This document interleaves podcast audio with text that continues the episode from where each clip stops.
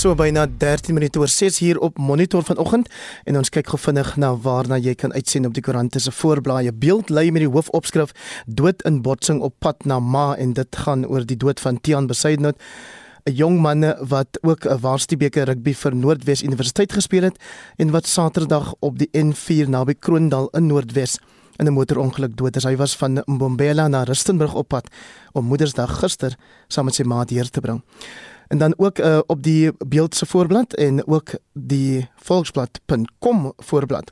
'n Skering in die ANC lyk op die oomblik onmoontlik en dis die mening van Theo Venter, bekende politieke kommentator. Dis nou ten spyte van die hoogspanning wat tans in die party heers en uh, Venter reken dit sou wees omdat die plaaslike verkiesings om die draai is en daar te min tyd sal wees vir enige faksie om 'n behoorlike veldtog te voer. Die burger is 'n hoofopskrif eis teen toue, maar hy veg voort in dit te handel natuurlik oor die beleerde en geskorste ANC sekretaris-generaal wat die naweek toegang geweier is tot 'n spesiale vergadering van die NKD het virtueel plaasgevind en dit is in wese dieselfde berig wat op sowel beeld as volksblad.com se voorblaaie verskyn. Dan op die burger se voorblad ook 'n berig oor 'n motorongeluk wat die naweek die lewe van 5 mense by Ceres in die Koue Bokkeveld geëis het.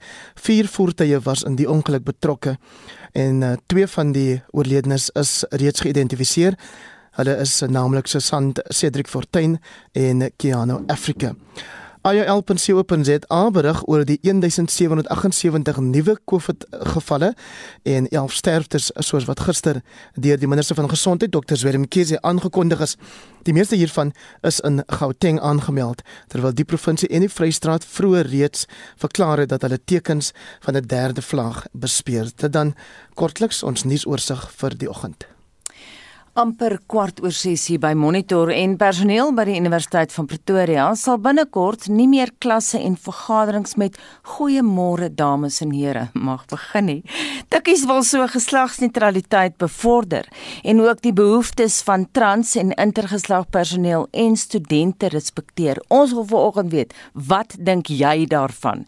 Stuur vir ons 'n SMS na 45889, dit kos R1.50 of gaan na facebook.com stem vorentoe skynstreep ZRC of WhatsApp vir ons stemnota met jou idees na 076 536 6961 076 536 6961 En nou vir nuus oor die Zulu koning gesin, eh, die of koninklike gesin, liewer die polisie het bevestig dat die koninklike familie van KwaZulu-Natal steeds polisiebeskerming ontvang. Dit nadat koning Misizulu die troon bestyg het met steun van die koninklike familie. Kort daarna is egter beweer dat lede van die polisie eenheid vir die beskerming van belangrike persone opdrag ontvang het om te onttrek. Verskeie lede van die koninklike huishouding, as ook die tradisionele eerste minister, prins Mangosuthu Buthelezi, het al kommer hieroor uitgespreek, maar die polisie se nasionale woordvoerder, Wisnaidu, sê die inligting is vals. Daar was Vrydag aan twee spalt in die paleis by Ngoma in die noorde van KwaZulu-Natal nadat 'n testament van die oorlede Zulu koningin Matampombi gelees is. Family gathers at the gates, all of them, to sympathize with each other. So that's why it was actually convened by the matriarch of the family. Sy het haar seun, Misizulu, in haar testament genomineer om koning te word. Prins Mangosuthu Buthelezi het later bevestig dat koning Misizulu die troon bestyg het. Buthelezi het bygevoeg dat die ou koning se broer en suster hom steun. Princess Tembi and Princess Mbonisi pledged their loyalty and support for His Majesty King Misuzulu Kazwelithini. The family appreciates this indication that stability and unity have been restored under His Majesty the King. Maar sommige lede van die AmaZulu koninklike familie win regsraad in om koning Misuzulu se opvolging teen te staan. Buthelezi het toegegee dat slegs die howe hieroor sal kan beslis. They're quite free if they want to take the matter to court. They're quite free. I, I'm, I mean, I'm not, I was not born yesterday. In case you, you are mistaken that because you have few gray hairs on, on my head, I assume definitely. I can say to the media now that I had actually had rumors that some of them were actually looking for legal advice already a couple of days ago. That is not without any precedent. I mean, throughout the time they've had this kingdom, each time a, a new king is installed, there are always others who, who actually want to claim the, the what you call the throne. So if there is such a development, it's not something that could surprise us at all. because it was quite common right through the history of the Zulu nation. Die teenstanders in die AmaZulu koningshuis steun prins Thokozani Zulu en win regshulp in. Hierdie verslag deur Nonkululeko Hlope Mitsi van der Merwe SAIK nuus. Die voorsitter van die verkiesingskommissie, Glen Mashinini, sê weens begrotingsbeperkings sal daar slegs een kieserregistrasie naweek wees in die aanloop tot die plaaslike regeringsverkiesing in Oktober. Die OVK het voor die parlement se portefeulje komitee oor binnelandse sake verskyn om sy jaarlikse prestasieplan en begroting vir 2021-2022 te bespreek. Mashinini sê die OVK moes sy begroting beduidend sny weens die ekonomiese impak van die COVID-19 pandemie. Hy sê kiesers sal egter deurlopend by munisipale kantore kan registreer en vra dat hulle nie wag tot die registrasie naweek nie. Celine Merrington het al die besonderhede. Kiesers gaan op 27 Oktober stembus toe. Tot dan moet die OVK hul rieme dun sny. As gevolg van 'n kleiner begroting moes hulle opleiding besnoei, vakante poste word nie gevul nie en daar moet ook ekstra bestee word op persoonlike beskermingstoerusting vir personeel. Die voorsitter van die OVK, Glen Mashinini, sê om net een naweek te allokeer vir kiesersregistrasie is ook om koste te besnoei. To accommodate some of those shortfalls in our requirements, the commission had to unfortunately provide for one registration weekend as opposed to what we normally would do, which is two. There would be ongoing registration because we do have municipal offices and not only to just wait for the registration weekend. Mashinini sê hulle kon daarin slaag om nuwe tegnologie te bekom om kieserregistrasie beter te maak. We have entered a new acquisition of a new technology and a new generation that revolutionizes the management of the voters' role, including instant voter registration and address capture, as well as live tracking of voter participation on election days. Die hoofuitvoerende beampte van die kommissie, Simon Mabolo, sê hulle werk daaraan om e-registrasie moontlik te maak. Online registration, I think it's an important intervention in the COVID context because it will allow us with the necessary safeguards, ensure that those that have access to smart devices and broadband are able to register without having to go onto queues and so on. We currently plan to have that capability available, let's say, in the middle of June. Mama Bolo sê hulle oorweeg ander maatreëls wat geïmplementeer kan word om die verspreiding van COVID-19 te verhoed, soos om spesiale stemme toe te staan vir meer mense afhangend van die finansiële implikasie. Zelin Merrington parlement. Die datum van die registrasie naweek sal moontlik hierdie week aangekondig word. Die SAIK sê intussen hy's op koers om omvattende nuusdekking te gee aan die komende plaaslike regeringsverkiesing.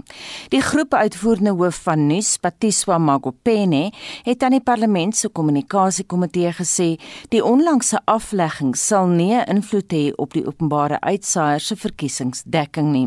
Sy sê die SAIK praat met verskeie rolspelers insluitend die verkiesingskommissie om samewerking te verseker. Magopeni sê die SAIK is daartoe verbind om as deel van sy mandaat seker te maak dat Suid-Afrikaners behoorlik ingelig is oor die verkiesing. Sy sê die 29 miljoen rand wat vir die verkiesing begroot is, is soortgelyk aan 2019. Volgens Magopeni is net die helfte van die begroting bestee. Die Vryheidsfront Plus het 'n prokureursbrief aan die stadsbestuurder van die Mangaung Metro munisipaliteit, advokaat Tankiso Mia gestuur waarin oplossings geëis word oor vullisverwydering. Die Metro behels Bloemfontein, De Wetsdorp, Soutpan van Stadens Rus en Weppener.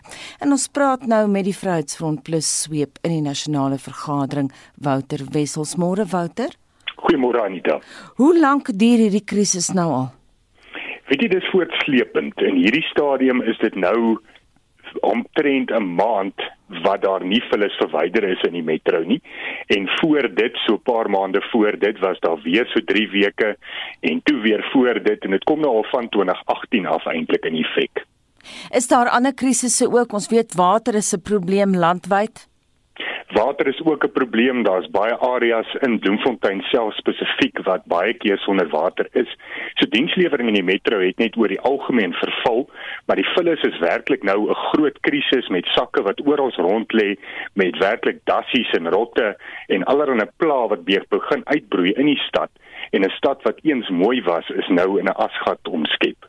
Nou wat sê die regerende party?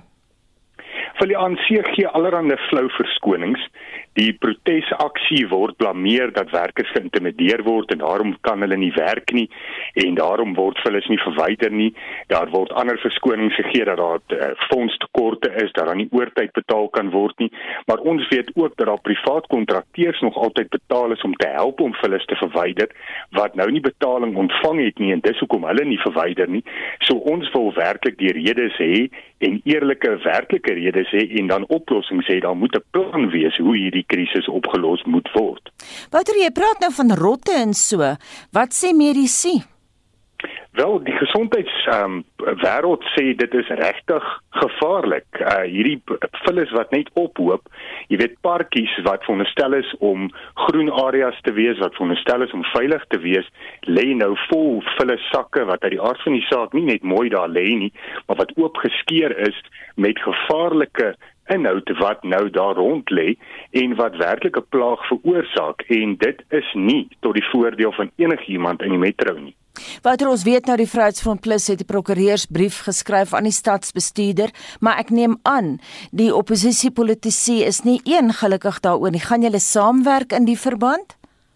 Absoluut. Ons sal saamwerk en ons werk saam binne die raad om druk uit te oefen en ook buite die raad baie organisasies die Vryheid van Plus ingesluit probeer ook self hulle verwyder alhoewel dit die munisipaliteit se verantwoordelikheid is kan ons nie toesien of kan ons nie net sit en kyk terwyl die die stad in so 'n groot krisis ontaard nie so ons probeer ook self help om hulle te verwyder en dan sal ons ook die hof nader want daar is wetgewing daar is ook 'n bywet wat die munisipaliteit verplig om dienste lewer in hierdie verband om vullis te verwyder en om 'n gesonde omgewing te verseker.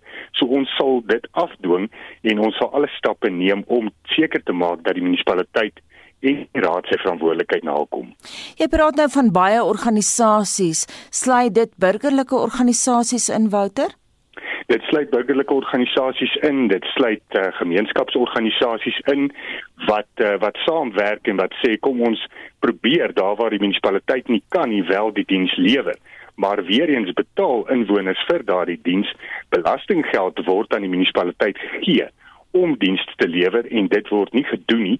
So ons kan ook nie dit vir die munisipaliteit net maklik maak deur homself te doen, maar op die einde van die dag mors hulle die geld, steel hulle die geld en word die geld nie gebruik en aangewend om noodsaaklike dienste te lewer nie. Is daar van die inwoners wat dreig om hulle belastinggeld te weerhou? Daar is natuurlik inwoners, en mense verstaan dit, wat sê maar ek betaal nou maandeliks vir hulle verwydering. Sekere inwoners betaal nou ook self privaat kontrakteurs om ook hulle te verwyder omdat dit voor hulle huise ophoop en dan sê hulle dit is onbillik. Ek sal dan eerder daai privaat kontrakteur betaal as wat ek die die uh, munisipaliteit betaal en deel van ons skrywe en deel van ons aksie in hierdie stadium is om te sê die raad moet nou ook gaan kyk hoe word 'n inwoner wat self betaal het daarvoor gekrediteer en word daar afslag gegee op sy munisipale rekening ten opsigte van daardie fondse wat hy nou aangewend het om self die diens te lewer. Het julle vir Tankie Somea 'n spertyd of 'n sperdatum gegee? Ons het 7 dae gegee. Hy het werklik binne 'n uur gereageer en gesê hy gee opdrag dat daar aan 'n uh, omvattende uh respons vir ons gewerk word en dat daar dan antwoorde gegee word. So hy het aanvanklik al gereageer, maar hy het nou nog nie die redes en uh, geantwoord op die vrae wat ons in die skrywe vra nie, maar ons het 7 dae gegee en ons sal druk sit uh, om binne 7 dae daardie antwoorde te kry. Baie dankie. Ons sal daai storie beslis volg dat dan Wouter Wessels, hy's die Vryheidsfront Plus se sweep in die nasionale vergadering in die Vrystaat. Is dit jy moniteer vir ons daai SMS verkeer vanoggend en wat sê mense oor Tikkie se voorstel? Luisteraars wat dit gemis het, jy hoef nou nie, hulle gaan nou nie meer groet. Môre dames en here nie in die klas. Anita Rex Bester sê dit is deel van die nuwe normaal en Larry Grywenstein skryf vir ons dis onmoontlik om vir alle uitsonderings op die reël voorsiening te maak. Dit is nimmer eindigend. Groet dan liewer met goeie môre dames here en andere. En Freddy de Lange laat weet ek het geen probleem probleem daarmee nie. Respek word in elk geval gewys in optrede nie in titels soos dames en here nie. En Johan Sloot de Villiers sê dis 'n baie goeie stap in die regte rigting vir respek vir almal. Alle universiteite en skole behoort die beleid in te voer. Mense moet vroeg in hulle lewe hieroor leer om onkunde te voorkom en Johan sê God se menseskepping sal nie altyd deur alle mense verstaan of aanvaar word nie, maar alle mense is geregtig op respek en menswaardigheid. En soos wat Anita nou gesê het, personeel by die Universiteit van Pretoria sal binnekort nie meer klasse en vergaderings met goeiemôre dames en here mag begin nie. En Tikkies wil so geslagsneutraliteit bevorder en ook die behoeftes van trans en intergeslag personeel en studente respekteer. En ons wil vanoggend by jou weet wat jy hiervan dink. Stuur vir ons 'n SMS na 45889. Onthou dit kos R1.50 per SMS. Gesels saam op ons Facebookblad by facebook.com vorentoe skynstreep ZARSG of WhatsApp vir ons stemnota na 076 536 6961. Ek is net so voor 7 terug met nog van jou terugvoer. 6:34 sê die oorloos hier in die ateljee en Shaun Jooste is gereed met vanoggend se sporthoogtepunte. Soos altyd kyk ons vanoggend na van die naweek se uitslae.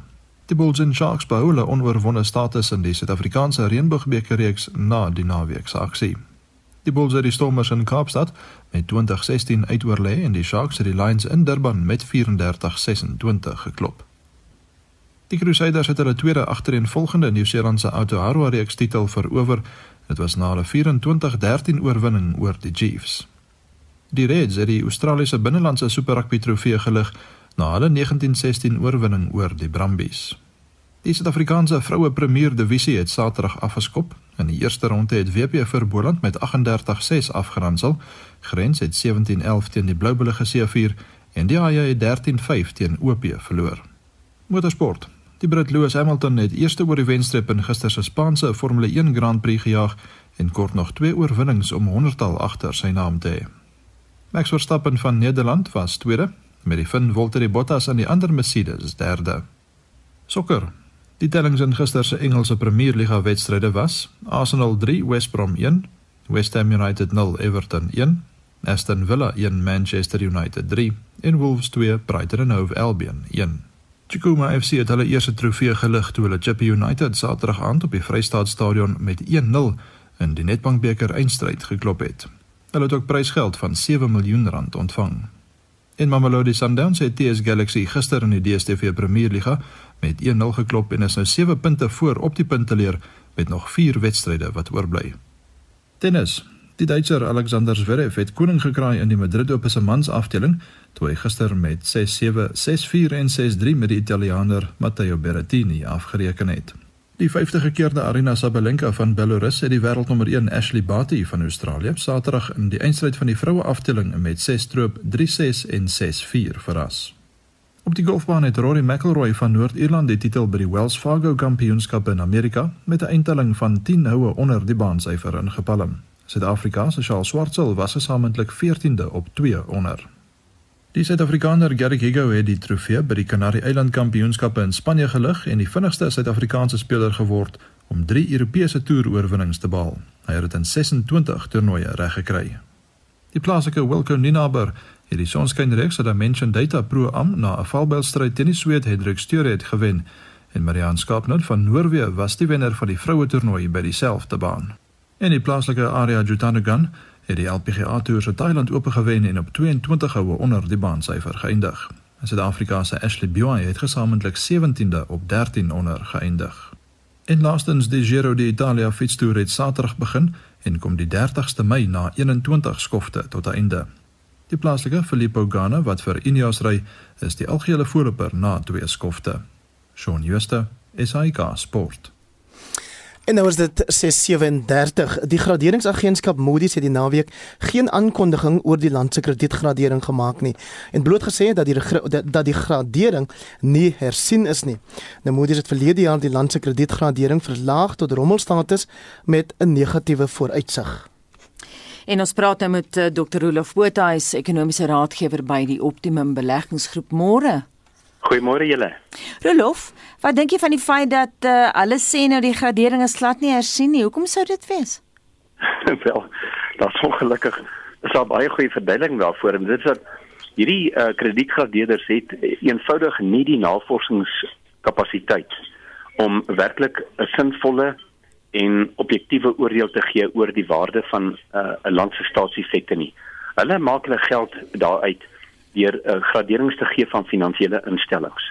Hulle word nie betaal om te gaan kyk wat is Brasilië en Chili en Suid-Afrika en Kenia se se staatsskuld werd nie en hulle het net nie daai kapasiteit nie. Dit is baie duidelik want daar was in Suid-Afrika nou die laaste knoppie weke opspraakwekkende nuus op die politieke front waar dit lyk asof ehm um, president Ramaphosa die stryd wen uh in in sy uh, teen korrupsie.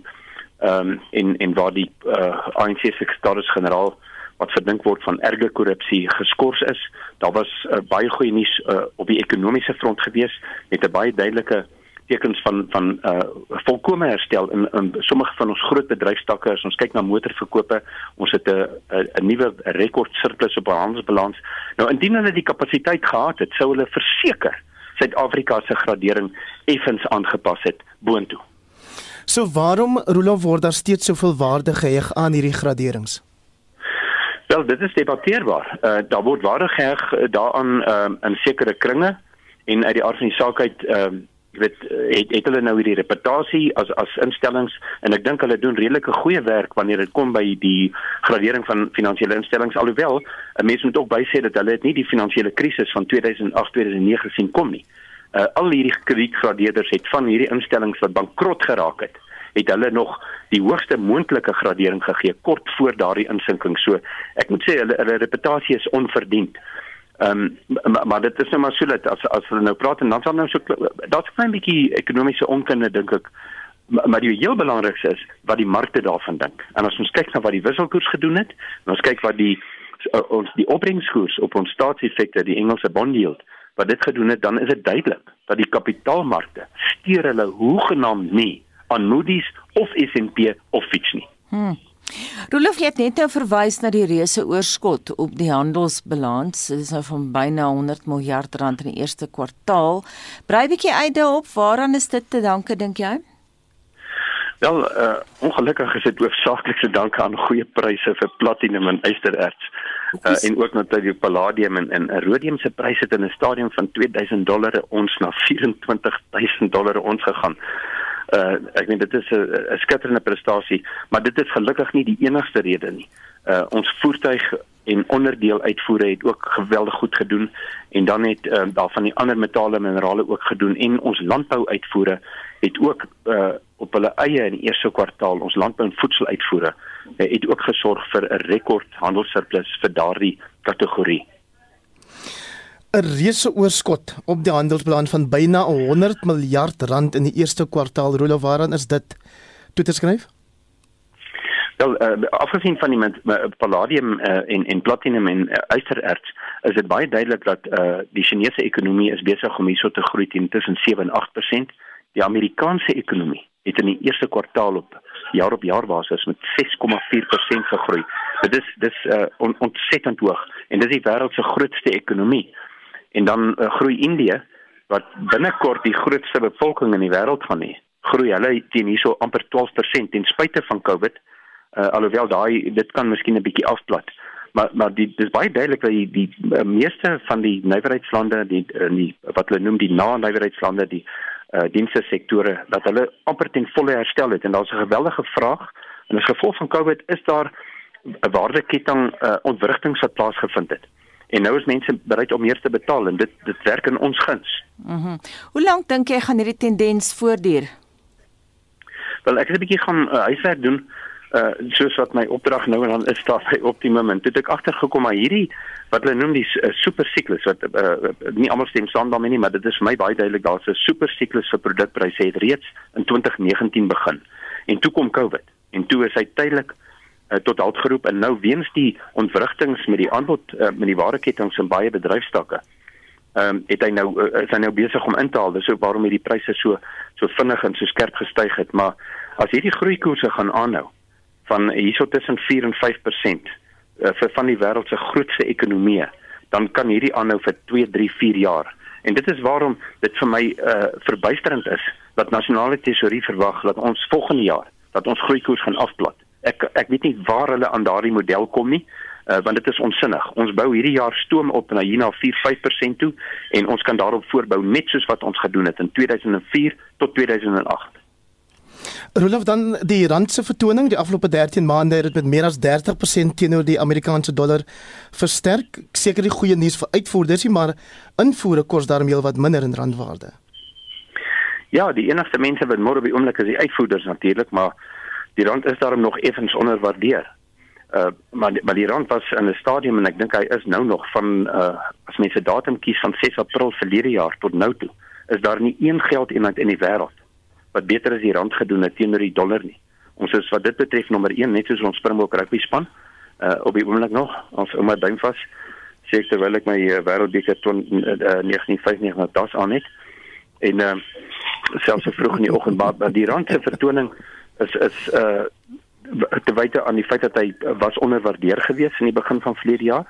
En dan natuurlik dan nommer 2 as jy sit met 'n handelssurplus in een kwartaal van 100 miljard rand ek meen net dit om dit in perspektief te plaas dis amper ons totale jaarlikse landbouproduksie uh, dan is dit onvermydelik so solank jy 'n mate 'n redelike mate van politieke stabiliteit het wat ons wel geniet um, dan dit onvermydelik dat jou geld eenheid gaan sterker word Jy het vroeër verwys na een van die faktore wat jy reken 'n positiewe bydrae maak tot ons ekonomie en dis naamlik president Ramaphosa se stryd teen korrupsie. Iets meer daaroor, Rolof? Wel, ek wil net sê luisteraars herinner daaraan dat daar is meer as 100 mense reeds gearresteer, insluitende meneer Magashule. Uh en daar gaan nog 'n paar honderd gearresteer word. En ek is oortuig daarvan die nasionale vervolgingsgesag sal nie iemand van meneer Magashule se aansien um, wat hy vinnig besig om te verloor natuurlik arresteer as hulle nie 'n waterdigte saak teen hom het nie. En ek moet nou sê dat ons een van ons voormalige presidente meneer Mbeki tas in die donker rond as hy dink dat die ANC se moontlike skering is as gevolg van ideologiese verskille. Ek wil vir meneer Mbeki sê dit het niks daarmee te doen nie. Dit het daarmee te doen dat meneer Magashule en meneer Yengeni en hulle trawante is bang vir vervolging. Dit is waarmee dit te doen het. En die partye het reeds in 2017 het hy 'n resolusie geneem en hy het gesê ons kan vernietig word as ons nie korrupsie bekamp nie. En dit is asof meneer Magashule se gewete uh, is, is 'n geheue baie baie kort is en hy kan ook nie tel nie. Ehm um, dit is die tyd het hom ingehaal. En en indien daar so 'n skering sou wees wat ek nie voorsien nie, sal hulle agterkom hoe min daarvan hulle gaan oorbly. Dit het dit ons ook nou ongelukkig ingehaal. Bye bye. Dankie vir jou insette vanoggend. Dr. Rolof Botha, hy is die ekonomiese raadgewer van die Optimum Beleggingsgroep.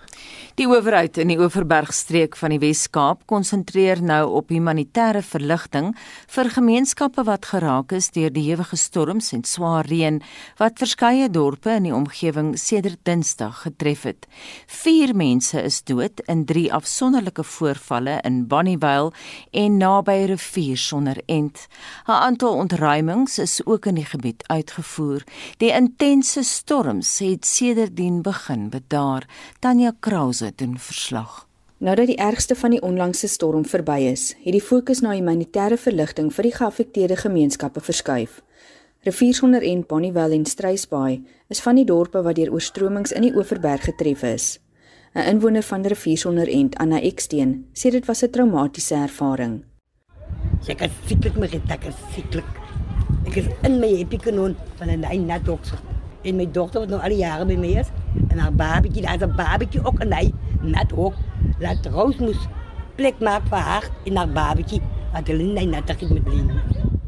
Hoewel baie inwoners vloedskade aan hul huise en besittings gelei het, is hulle steeds besig om die res van die gemeenskap te help. Een so 'n persoon is Stryspaai inwoner Vuyokazi Sebenza. Sy sê die swaar reën het haar huis oorstroom en haar dak, meubels en selfs haar dogter se skoolboeke beskadig. Sebenza sê sy is nie seker hoe sy die skade kan herstel nie, maar sal steeds hulp verleen aan ander in nood deur kos te maak in die restaurant waar sy werksaam is. The water come from underneath the windy house. They come through again on top of the roof through the uh, the lights. They damage uh, my roof, my ceiling, and my wardrobe as well. Now I'm hanging everything. After this, I'm going to cook the soup for food, food for community in a catch cook. Die eienaar van die restaurant, Sil Durman, het spanne gemobiliseer om hul personeel, onmiddellike familie en die plaaslike gemeenskap te ondersteun. Woordvoerder Johan van Skalkwyk sê hulle het komberse en kos aan behoeftiges voorsien en steun gebied aan die Kaapse Gallus burgemeester Paul Swart en sy span wat die plaaslike gemeenskapsaal as 'n sentrale hulppunt opgestel het. Die Catchcook restaurant het dadelik honderde warm kosmaaltye begin voorberei en was geëer om deur die spreker van die Wes-Kaap, Masizole, bygestaan te word.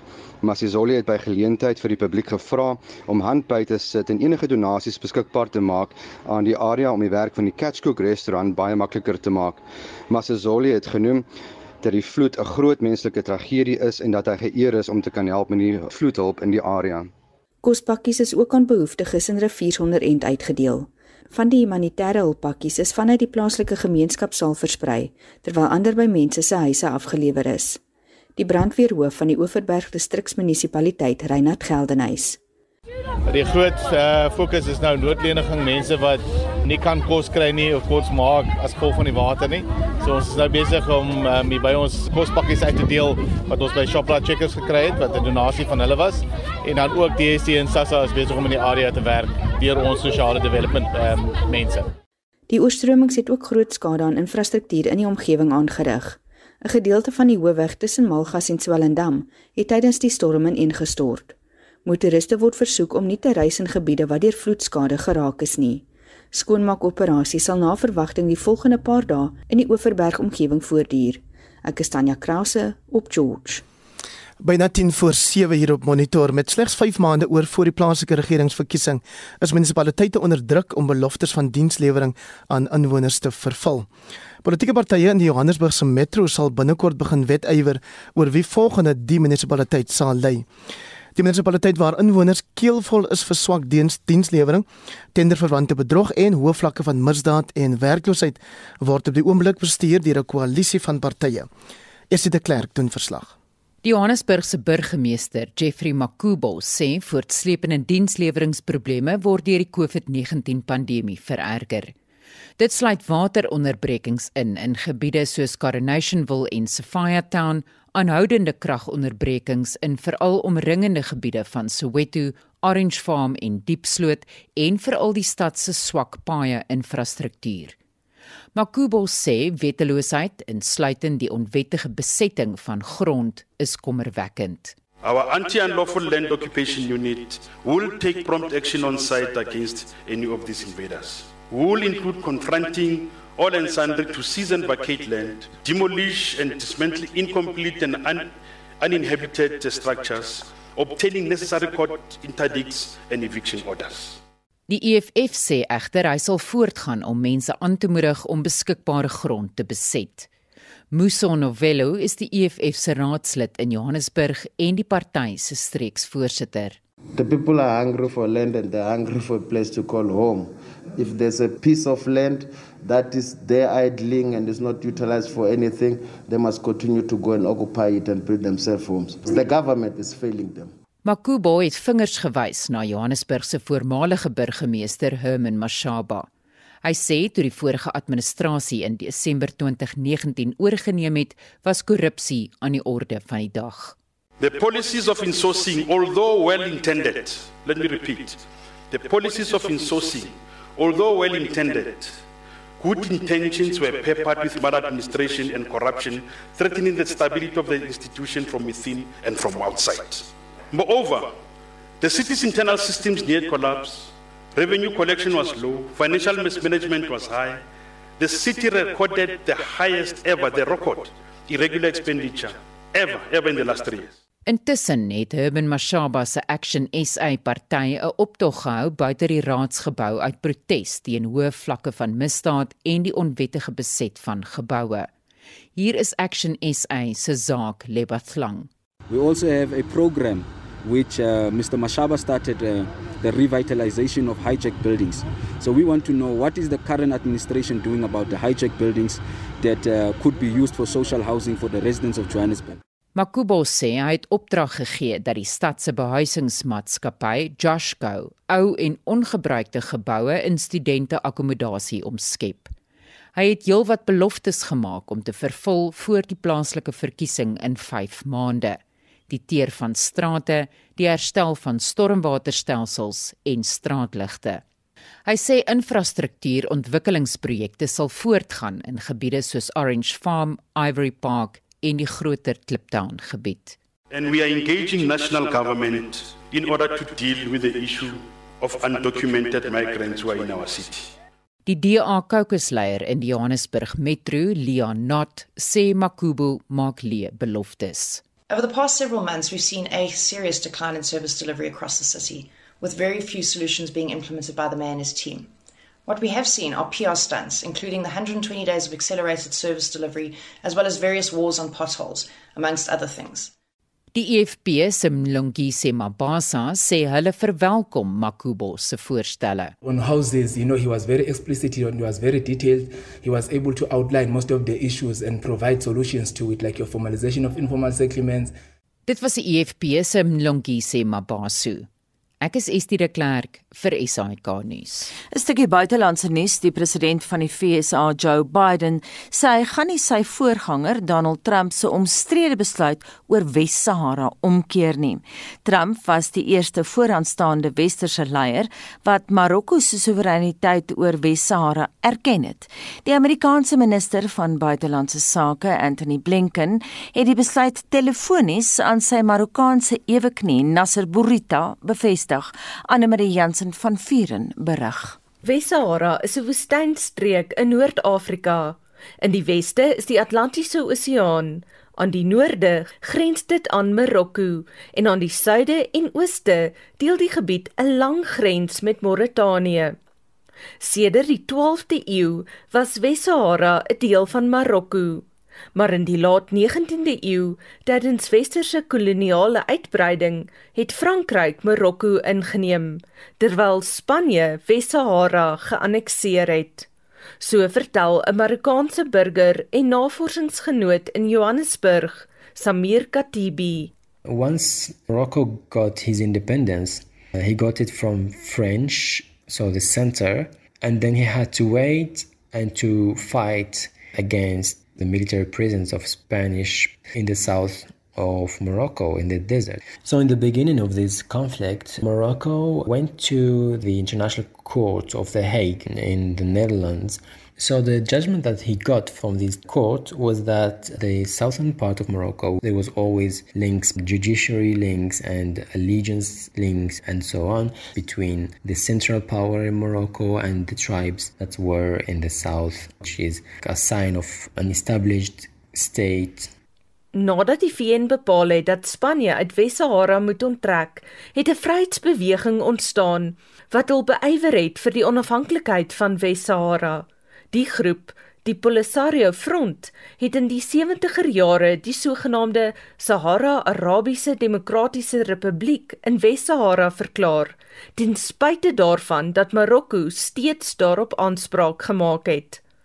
Dit het tot 'n oorlog tussen die Marokkaanse regering en die Polisario Front gelei wat eers in 1991 geëindig het. Katibi sê 'n neutrale buffergebied was deel van die vredesonderhandelings. The bumper zone between Morocco and Mauritania in the Gargarat. So it, is, it was established as a security zone where no military presence has to be there. The commercial links have to be secured and allowed and go fluently.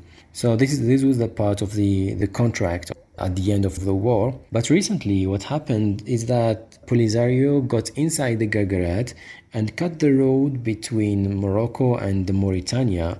And they didn't allow the trucks to go freely and to transport the goods that they, they have. So, after weeks and weeks, Morocco was calling the militias or the people that intervened inside this zone. They broke the law and they broke the treaty. He was calling them and calling the international community to intervene and to do something about that. Trump het toe ingetree en met Marokko onderhandel. Die FSA het Marokko se eise van beheer oor Wes-Sahara erken, in ruil daarvoor dat Marokko 'n goeie verhouding met Israel sal kweek. Juis om hierdie rede het Biden se regering nou besluit om dieselfde beleid as Trump te volg. Volgens die minister van buitelandse sake, Anthony Blinken, sal 'n goeie verhouding tussen Marokko en Israel langtermynvoordele vir die Midde-Ooste inhou. Katibi stem saam. This recognition thing will change a lot of things in the future. Duitsland stem egter nie saam nie. Toe Trump in Desember sy besluit aangekondig het, het die Duitse regering gevra vir 'n spesiale vergadering van die VN-veiligheidsraad om die saak te bespreek. Hulle het hul hoop op die inkomende Biden-regering geplaas en sterk kritiek gelewer toe Blinken sê die VSA hou voet by stuk oor Wes-Sahara. Nou het Marokko hulle ambassadeur in Duitsland teruggeroep en diplomatieke bande met die land verbreek. Anne Marie Jansen van Vuren vir SAK nuus.